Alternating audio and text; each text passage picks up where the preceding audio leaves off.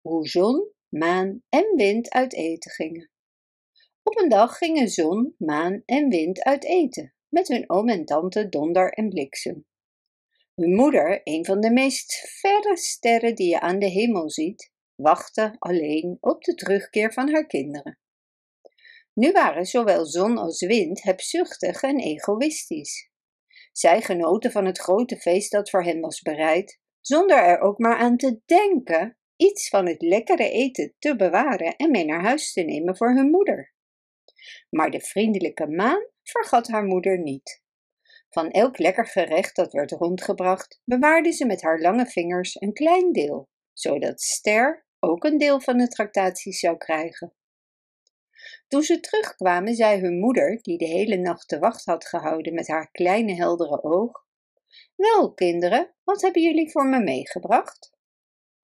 Toen zei Zon, die de oudste was: Ik heb niets voor je mee naar huis genomen.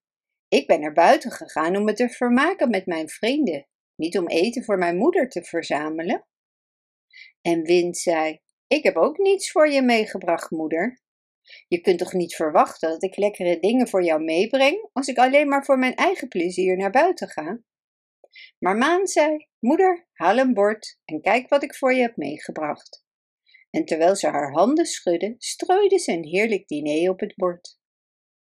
Toen wendde Ster zich tot Zon en sprak als volgt: Omdat je naar buiten bent gegaan om jezelf te vermaken met je vrienden, en je hebt gefeest en genoten zonder ook maar even aan je moeder die thuis bleef te denken, zul je vervloekt zijn. Voortaan zullen je stralen altijd heet en verzengend zijn, en ze zullen alles verbranden wat ze aanraken. En de mensen zullen je haten en hun hoofd bedekken als je verschijnt. En daarom is de zon tot op de dag van vandaag zo heet. Toen wendde ze zich tot wind en zei: ook jij, die je moeder vergat te midden van je eigen plezier, zal vervloekt zijn. Je zult altijd blazen, ook in heet en droog weer. En je zult aan alle levende wezens verschrompelen. En de mensen zullen een hekel aan je hebben en je vermijden. En daarom is de wind, zelfs bij warm weer, nog zo onaangenaam.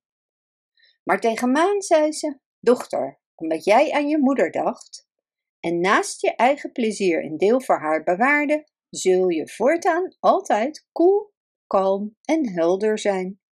Er zal geen schadelijke schittering te zien zijn tussen je prachtige zuivere stralen, en de mensen zullen je altijd gezegend noemen.